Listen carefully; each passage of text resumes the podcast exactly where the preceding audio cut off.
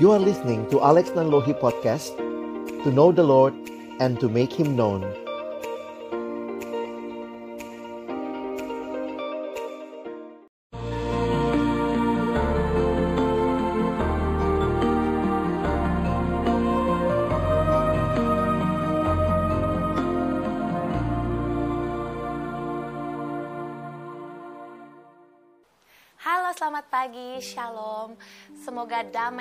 menyertai kita semua saudara terkasih dalam Yesus Kristus. Haleluya. Dan mari kita awali hari ini dengan merenungkan sejenak firman Tuhan dan berdoa kepada Bapa kita di surga. Tentunya bersama saya Francisca Rati dalam program Saat Teduh. Dan saat ini saya sudah ditemani dengan evangelis kita Bapak Alex Nanlohi. Halo, shalom, Halo, Pak Alex. shalom. Pak Alex, hari ini eh, bagus sekali ya tema kita pagi hari ini adalah hubungan pribadi kita sendiri dengan Yesus Kristus. Iya. Ini kita ambil dari Kolose 3, 17 dan 23. Boleh diterangkan sedikit tentang firman ini, Pak? Iya. Jadi kalau kita bicara soal hubungan dengan Tuhan, ternyata hal yang menarik adalah hubungan dengan Tuhan, hubungan kita dengan Tuhan itu mempengaruhi hubungan kita dengan sesama. Bagaimana kita berelasi juga dengan sesama. Dan saya mengangkat dalam Kolose pasal yang ketiga, hari ini kita akan membaca dua ayat. Iya. Yang pertama kita baca di dalam ayat yang ke-17 dan nanti kita akan membaca dalam ayat yang ke-23. Di dalam Kolose 3 ayat yang ke-17 dinyatakan demikian. Dan segala sesuatu yang kamu lakukan dengan perkataan atau perbuatan, lakukanlah semuanya itu dalam nama Tuhan Yesus sambil mengucap syukur oleh Dia kepada Allah Bapa kita. Selanjutnya Kolose pasal yang ketiga ayat yang ke-23. Apa pun juga yang kamu perbuat, perbuatlah dengan segenap hatimu seperti untuk Tuhan dan bukan untuk manusia. Nah, kita akan melihat bersama-sama dua bagian ini yang Ya. menarik untuk kita perhatikan. Yang pertama adalah ayat 17 terlebih dahulu. Dan segala sesuatu yang kamu lakukan dengan perkataan atau perbuatan berarti seluruh hidup kita dikatakan dalam firman Tuhan ini lakukanlah semuanya itu dalam nama Tuhan Yesus. Pengertian dalam nama itu punya pengertian yang menarik bahwa kalau seseorang datang dalam nama orang yang dia wakili itu menunjukkan bahwa dia datang sebagai perwakilannya. Jadi kalau kita diingatkan melalui ayat ini, lakukanlah semuanya itu dalam nama Tuhan Yesus. Itu berarti kita melakukan segala sesuatu mewakili Yesus. Jadi seolah-olah kita inilah yang menjadi perwakilan Tuhan melalui perkataan kita, perbuatan kita. Jadi ini bagian pertama yang harus kita ingat, kita mewakili Tuhan. Kita seperti Tuhan. Apa yang Tuhan rindukan disampaikan kepada orang lain, kitalah yang mewakilinya. Sehingga pertanyaannya mungkin untuk kita renungkan, apakah kita sudah menjadi wakil Tuhan? Apakah kita sudah mencerminkan Kristus ketika kita berelasi dengan sesama kita? Nah, ini yang pertama. Saya bertindak mewakili Yesus. Tetapi yang kedua yang menarik juga di dalam Kolose pasal yang ketiga ayat yang ke-23 dikatakan demikian. Apa pun juga yang kamu perbuat, perbuatlah dengan segenap hatimu seperti untuk Tuhan. Jadi di sini sangat justru sangat ber- berlawanan dengan sebelumnya. Kalau yang sebelumnya tadi kita melihat saya seperti Yesus kepada orang lain. Nah, dalam bagian ini justru orang lain itu seperti Yesus bagi saya. Jadi ini relasi yang sangat menarik. Iya. Sayanya mewakili Kristus, tapi orang lain pun saya harus perlakukan seperti untuk Tuhan. Ini yang diingatkan. Apa pun juga yang kamu perbuat, perbuatlah dengan segenap hatimu seperti untuk Tuhan. Jadi kita seperti punya peran ganda waktu kita hadir dalam dunia ini. Saya mewakili Kristus dan saya memperlakukan orang lain seperti dia itu Kristus. Sehingga kalau saya mengatakan saya mengasihi Tuhan, itu harus tercermin waktu saya mengasihi orang lain karena dia seperti Kristus bagi saya. Nah, gambaran inilah yang diingatkan oleh Rasul Paulus dalam kitab Kolose ini untuk menjadi landasan hubungan antar manusia yang terjadi di dalam kekristenan. Jadi relasi kita dengan Tuhan ternyata akan berpengaruh dengan identitas kita waktu kita hidup mewakili Kristus dan juga memperlakukan orang lain seperti mereka adalah Kristus. Demikian. Oh, Oke, ini menarik sekali Iya. ya, karena biasanya kita belum mengenal sebenarnya bagaimana sih menjadi pribadi yang sama seperti Kristus, Kristus. itu sendiri. Iya. nah, kalau misalnya nih, Pak, kita kal- kalau dibilang lahir baru, Iya. otomatis kita hidup dalam Yesus begitu ya. Iya. Nah, apakah setiap perbuatan dan tindakan kita memang harus kita ungkapkan di dalam nama Yesus begitu? Tidak cukup dengan perbuatan saja, tapi kita juga harus mengungkapkan di dalam nama Yesus gitu gitu. Ya saya pikir uh, hati-hati dengan istilah di dalam nama Yesus jangan sampai jadi mantra gitu ya. Asal melakukan apa-apa dalam nama Yesus, apa-apa dalam nama Itu dia. Yesus ya. Jadi latah malah Latah ya. jadinya. Tapi me- me- menyatakan dalam nama Kristus itu berarti kita mewakili Tuhan. Jadi memang menarik sekali hubungan dengan Tuhan ketika kita lahir baru, kita sudah dalam Kristus, itu mempengaruhi identitas kita, bagaimana kita memandang diri kita, tetapi juga pada saat yang sama bagaimana kita berelasi dengan orang lain. Memperlakukan mereka seperti mereka adalah Kristus. Iya. Nah itu yang indah saya pikir dalam perenungan kita pagi ini. Jadi sebenarnya ungkapan di dalam nama Yesus itu Iya. melegitimasikan bahwa kita adalah wakil Kristus. gitu. Iya, saya pikir itu yang iya memberikan keyakinan buat kita ya. Dan jadi jangan sembarangan gitu ya Hmm. melakukan hal yang buruk ya dalam nama Yesus. Loh, ini mewakili Kristus atau mewakili keinginan Iya. kita sendiri begitu. Nah itu dia tadi Pak, itu kan katanya lakukanlah semua hal ya, Iya. segala sesuatu di dalam nama Yesus. Tapi di sisi lain juga jangan sembarangan nih Iya, bawa betul. nama Yesus. Nah jadi dari aspek segala hal itu aspek yang seperti apa? Seperti apa? Saya mungkin bacakan dulu satu ayat dalam 1 Yohanes pasal 2 ayat yang ke-6. Ayat ini sangat jelas menyatakan demikian. Barang siapa mengatakan bahwa ia ada di dalam dia, maksudnya di dalam Kristus, ia wajib hidup sama seperti Kristus telah hidup. Pertama kali saya membaca ayat ini saya ingat masih SMA mungkin ya. Waktu itu kepikir, wah kok berat sekali bebannya.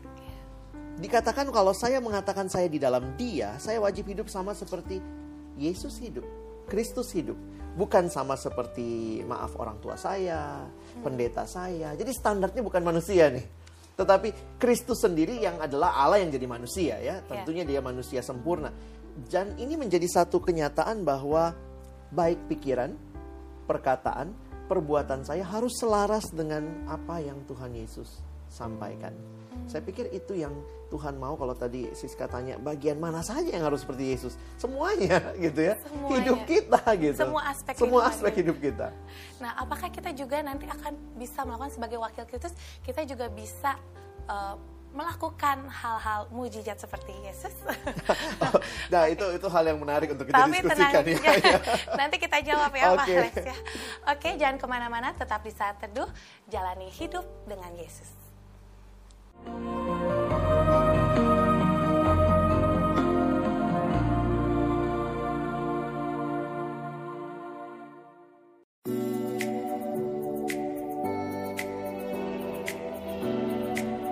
are listening to Alex Nanlohi Podcast To know the Lord and to make Him known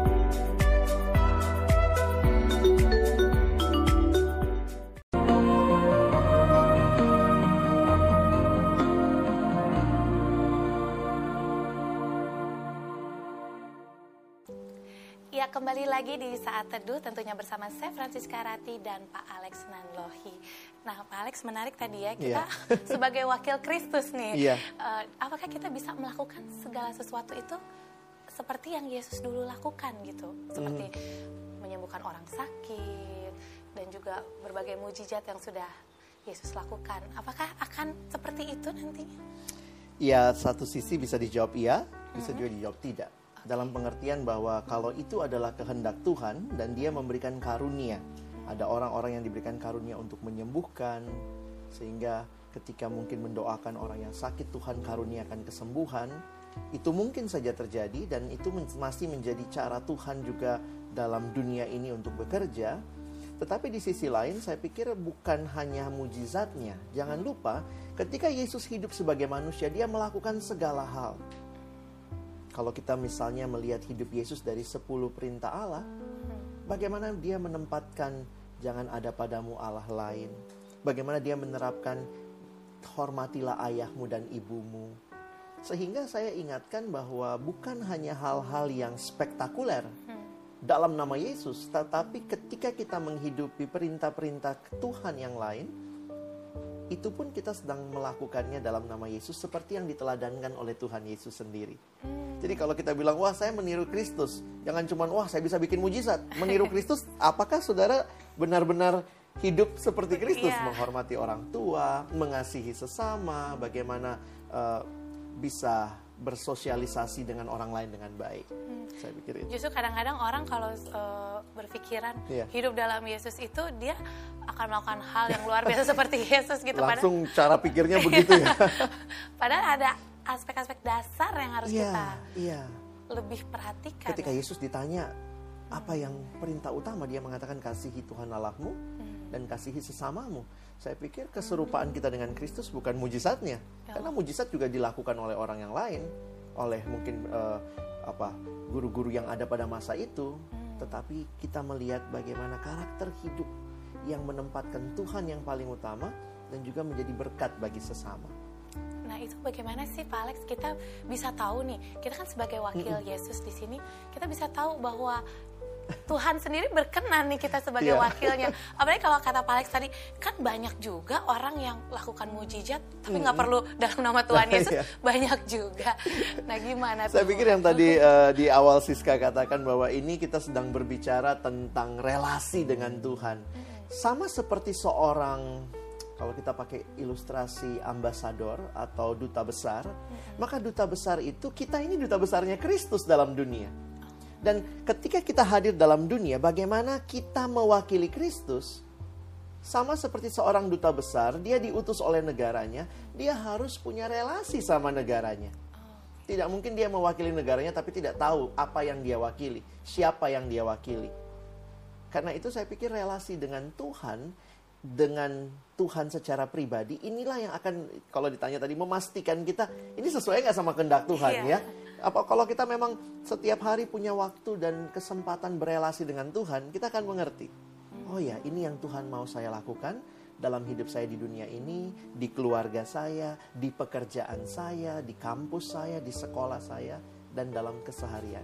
Dan untuk memperkuat relasi itu Iya. apakah cukup dengan berdoa atau kita juga harus selalu merenungkan firman Tuhan? Wah, tentu itu juga ya. Merenungkan firman Tuhan, berdoa, kita bersekutu dengan orang-orang percaya lainnya, dan juga jangan lupa untuk kita hadir dalam dunia bersaksi dan melayani. Saya pikir ini paket lengkapnya gitu ya. Kita tidak sekedar relasi dengan Tuhan, tetapi bagaimana itu punya dampak dalam kehidupan kita sehari-hari. Nah, kalau misalnya kita bicara tadi Iya. relasi kita sudah bersekutu dengan Tuhan nih sebagai wakil Kristus. Tapi di sisi lain kita juga harus memperlakukan orang lain seperti Kristus. Seperti Kristus, wah itu itu berat lagi tuh. Iya. Kira-kira gimana tuh, Pak Alex? Makanya satu sisi yang saya lihat banyak orang begitu gampangnya berkata saya mewakili Kristus. Tapi waktu dia memperlakukan orang lain, mungkin dia bisa memandang rendah. Kalau dia ketemu sama orang yang lebih rendah dari dia, secara pendidikan mungkin, secara status sosial. Dan waktu dia bertemu dengan orang yang secara status sosial mungkin lebih tinggi, secara pendidikan lebih tinggi dari dia, mungkin dia jadi minder. Jadi saya pikir justru ayat firman Tuhan ini mengingatkan Bagaimana kita memandang orang lain, sebagaimana kita melihat Tuhan, maka perlakukanlah mereka sebagaimana engkau ingin memperlakukan Tuhanmu. Nah, tapi ini kadang-kadang jadi bumerang juga ya Iya. buat kita sebagai orang Kristen yang sebagai wakil Kristus. Kadang-kadang kita sudah eh, melayani begitu, tapi ternyata perlakuan kita pada orang lain Ya, betul. Ada satu eh, ilustrasi yang hamba Tuhan pernah berikan, bukan ilustrasi ya, tapi satu eh, kalimat yang dia katakan begini. Kalau saya mau mencari majelis gereja, ke mana saya akan datang? Dia bilang ya, saya akan datang ke rumah. Lalu dia tanya, siapa yang akan saya tanyain di rumah itu? Lalu kemudian dia menjawab, saya akan menanyain pembantunya. Mengapa demikian? Karena mungkin bagaimana dia memperlakukan pembantunya itu akan menunjukkan siapa dia sebenarnya. Kadang-kadang kita bisa begitu manis kepada orang yang mungkin secara status, kedudukan dekat dengan kita atau sederajat dengan kita. Tapi kita bisa begitu memandang rendah orang-orang hanya karena status mereka, hanya karena perbedaan-perbedaan yang kita miliki. Dan saya pikir Yesus memberikan satu uh, penegasan, ya, melalui firman Tuhan ini. Apalagi kalau kita membaca konteks dalam Kolose tadi, persis di atasnya itu sedang bicara relasi dengan budak. Jadi justru ketika kita memperlakukan sesama sebagaimana Tuhan memandang mereka, ini hal yang akan menolong kehidupan manusia akan saling menghargai dan saling mengasihi dengan lebih baik. Karena sebenarnya mungkin Yesus sendiri punya hati sebagai seorang iya, hamba begitu ya. betul. ya. Hmm, nah, kita juga pengen tahu kan pasti kuncinya gimana sih kita hmm. bisa menjadi wakil Kristus yang berkenan gitu ya iya. di hadapan Tuhan. Tapi tenang Pak Alex, nanti yeah. kita akan lanjutkan dan pemirsa jangan ke mana-mana, tetap di saat teduh jalani hidup bersama Yesus.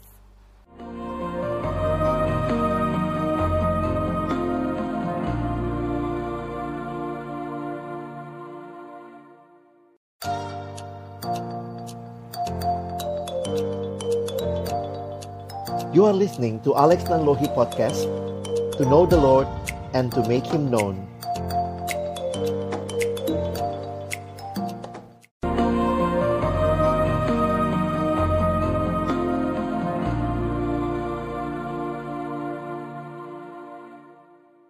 Ya, masih di saat teduh bersama saya Francis Karati dan tentunya Bapak Alex Nanlohi. Pak, tadi kalau kita misalnya lihat ya hubungan kita iya. dengan yeah. sesama kita juga, kita harus perlakukan mereka seperti Tuhan begitu. Mm. Tapi kadang-kadang Pak, kalau misalnya nih uh, orang yang kita perlakukan itu mungkin kelakuannya tidak mencerminkan sebagai wakil Kristus. Atau, atau bisa jadi dia manfaatin kita gitu. Malah manfaatin kita. Ya anggaplah yeah. kayak misalnya kita punya ilustrasi kita lagi kerja di kantor. Hmm uh, sayang sekali kebagian bosnya galak banget gitu ya suka memperlakukan kita semena-mena. Nah, apakah kita memang harus menteri dia sama seperti kita menteri Tuhan begitu? Ya, uh, hmm. ini pertanyaan yang menarik dan perlu perenungan yang mendalam untuk menjawabnya. Tapi saya melihat secara sederhana begini, kalimat yang dipakai seperti untuk Tuhan. Jadi jangan mengatakan dia Tuhan. Oh, okay. Seperti untuk Tuhan menunjukkan bahwa ada sikap hormat ada sikap tidak membedakan, ada sikap tidak memandang rendah, ada sikap tidak meremehkan. Tetapi tentunya ada hal-hal sederhana di dalam keseharian di mana mungkin perintah atasan kita tidak sesuai dengan firman Tuhan. Saya pikir kita harus tetap lebih taat kepada Tuhan. Dan Tuhan kasih kita akal budi untuk bisa berpikir, untuk bisa melihat sejauh mana apakah kita sedang dimanfaatkan atau memang ini adalah sebuah sikap yang uh, seharusnya. Saya kasih contoh sederhana sebenarnya dalam relasi keluarga. Firman Tuhan mengatakan hormati orang tuamu, taati mereka. Tapi pertanyaannya, bolehkah kita tidak taat kepada orang tua? Karena waktu bicara taati orang tuamu, ada kalimat taatilah orang tuamu di dalam Tuhan. Sejauh orang tuamu meminta kamu melakukan yang di dalam Tuhan, taati tapi jika tidak, misalnya nih ya, ayo nak kita mencuri yuk ke rumah tetangga. Walaupun mungkin orang tua yang normal tidak akan melakukan itu. Tetapi bolehkah tidak taat kepada orang tua? Ketika perintah yang diminta tidak sesuai dengan yang Tuhan mau, kita harus lebih taat kepada Tuhan daripada kepada orang tua. Tapi yang kedua jangan lupa, firman Tuhan mengatakan tetap hormatilah orang tuamu. Sehingga dalam beberapa pelayanan saya, saya katakan kepada adik-adik yang masih remaja dalam masa-masa bergolak, mereka wah orang tua saya tidak bisa diandalkan, orang tua saya tidak bisa diteladani. Oke, tapi kamu tidak boleh tidak hormat. Tetap hormat kepada mereka. Hmm. Jadi ini saya pikir terhadap bos juga demikian. Kita hormat, tapi ketika kita diminta melakukan yang tidak benar, kita harus punya prinsip dan mengatakan, saya wakil Kristus. Walaupun Anda adalah seperti Kristus, tetapi saya wakil Kristus. Saya harus melakukan yang benar dan saya tetap hormat. Jadi karena kalau misalnya kita keasikan gitu ya, iya. ya, kesibukan untuk mentreat orang seperti Kristus oh, begitu. Oh. Jadi kita berusaha kayaknya berusaha membahagiakan semua orang hmm, gitu ya. Hmm. Nah, itu bisa jadi bumerang juga bumerang. sebenarnya. Tapi alangkah indahnya kalau begini Siska menyadari saya wakil Kristus, saya harus melakukan misalnya Pak Alex seperti Kristus. Saya menyadari saya wakil Kristus, saya harus treat Siska seperti Kristus. Sebenarnya relasi itu akan terjalin dengan indah. Masyarakat ini akan menikmati keindahan itu ketika setiap orang tahu siapa dirinya dan siapa orang lain buat dirinya. Jadi kuncinya itu tetap eh, kepada firman Tuhan yang bilang Iya. kasihilah sesamamu Ya, seperti, engkau mengasihi dirimu, dirimu sendiri. sendiri. Karena memang kita adalah gambaran wakil Kristus Iya, itu ya. di dalam dunia ini. Nah masalahnya gimana sih Pak? Kita punya kuncinya kita untuk bisa mengetahui kita tuh benar nih eh, wakil Kristus yang berkenan. Ada nggak sih kuncinya? Kembali lagi kayak yang saya katakan di awal tadi ya, bahwa relasi kita dengan Tuhan ini akan menentukan bagaimana kita berelasi dengan orang lain. Dan bagaimana kita berelasi dengan Tuhan sangat ditentukan dari waktu-waktu yang berkualitas yang kita miliki untuk membaca, merenungkan firman Tuhan. Melalui firman Tuhan itulah kita diyakinkan, ya, you are on the right track. Anda berada pada jalannya Tuhan. Dan melalui firman Tuhan juga kita diingatkan kalau kita sudah mulai melenceng. Karena itu kebiasaan untuk membaca, merenungkan firman Tuhan setiap hari seharusnya menjadi bagian buat kita yang mau hidup berkenan kepada Tuhan.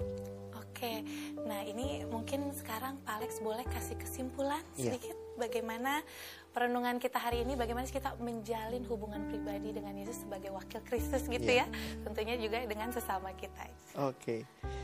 Eh, pemirsa yang dikasihi Tuhan, sebagai wakil Kristus dalam dunia ini, kita diberikan kesempatan untuk mewakili Dia, membawa orang lain juga boleh mengenal siapa Yesus. Tapi di bagian yang lain kita tidak lupa juga memperlakukan sesama seperti mereka adalah Tuhan buat kita.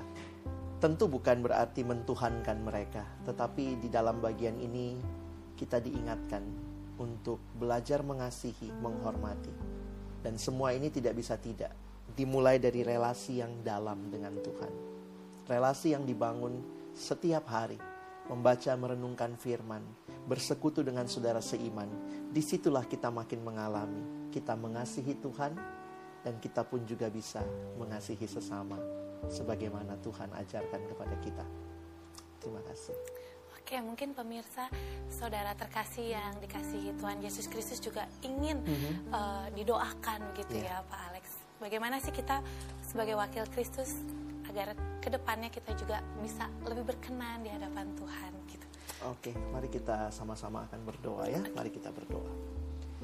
Bapa di dalam surga, kembali kami bersyukur karena kehadiran kami di dalam dunia ini adalah perwujudan kehadiran Kristus dalam dunia ini.